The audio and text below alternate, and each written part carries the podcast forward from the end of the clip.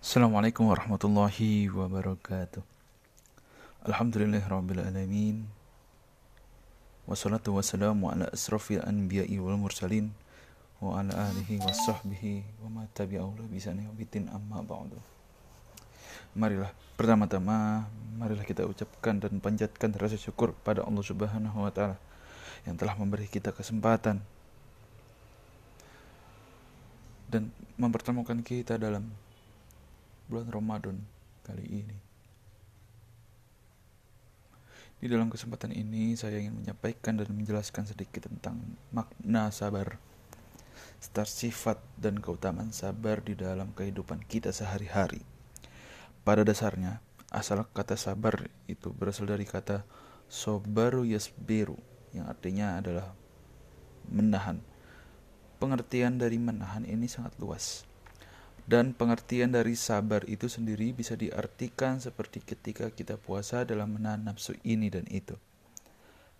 Atau bersabar pada saat kita menahan lapar, yang artinya kita harus bisa menahan diri untuk tidak makan dan minum sampai azan maghrib tiba.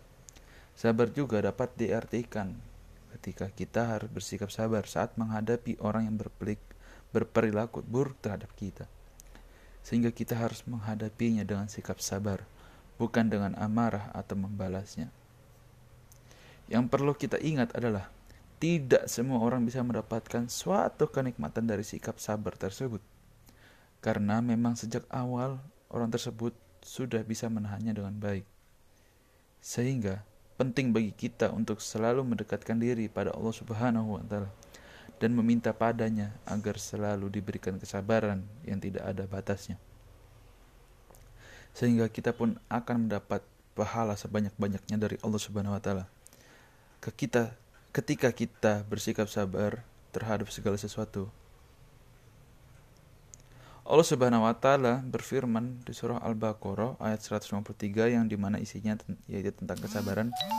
Di dalam ayat tersebut Allah menerangkan bahwa ia akan selalu memberikan pertolongan kepada setiap hambanya yang menjalani perintahnya dengan baik. Pertolongan akan diberikan oleh Subhanahu wa taala pada setiap hambanya yang sedang mengalami kesusahan. Namun, tetap melaksanakan sholat wajib serta bisa menahan diri dengan sikap sabar. Itulah keistimewaan dari sikap dan rasa sabar itu sendiri.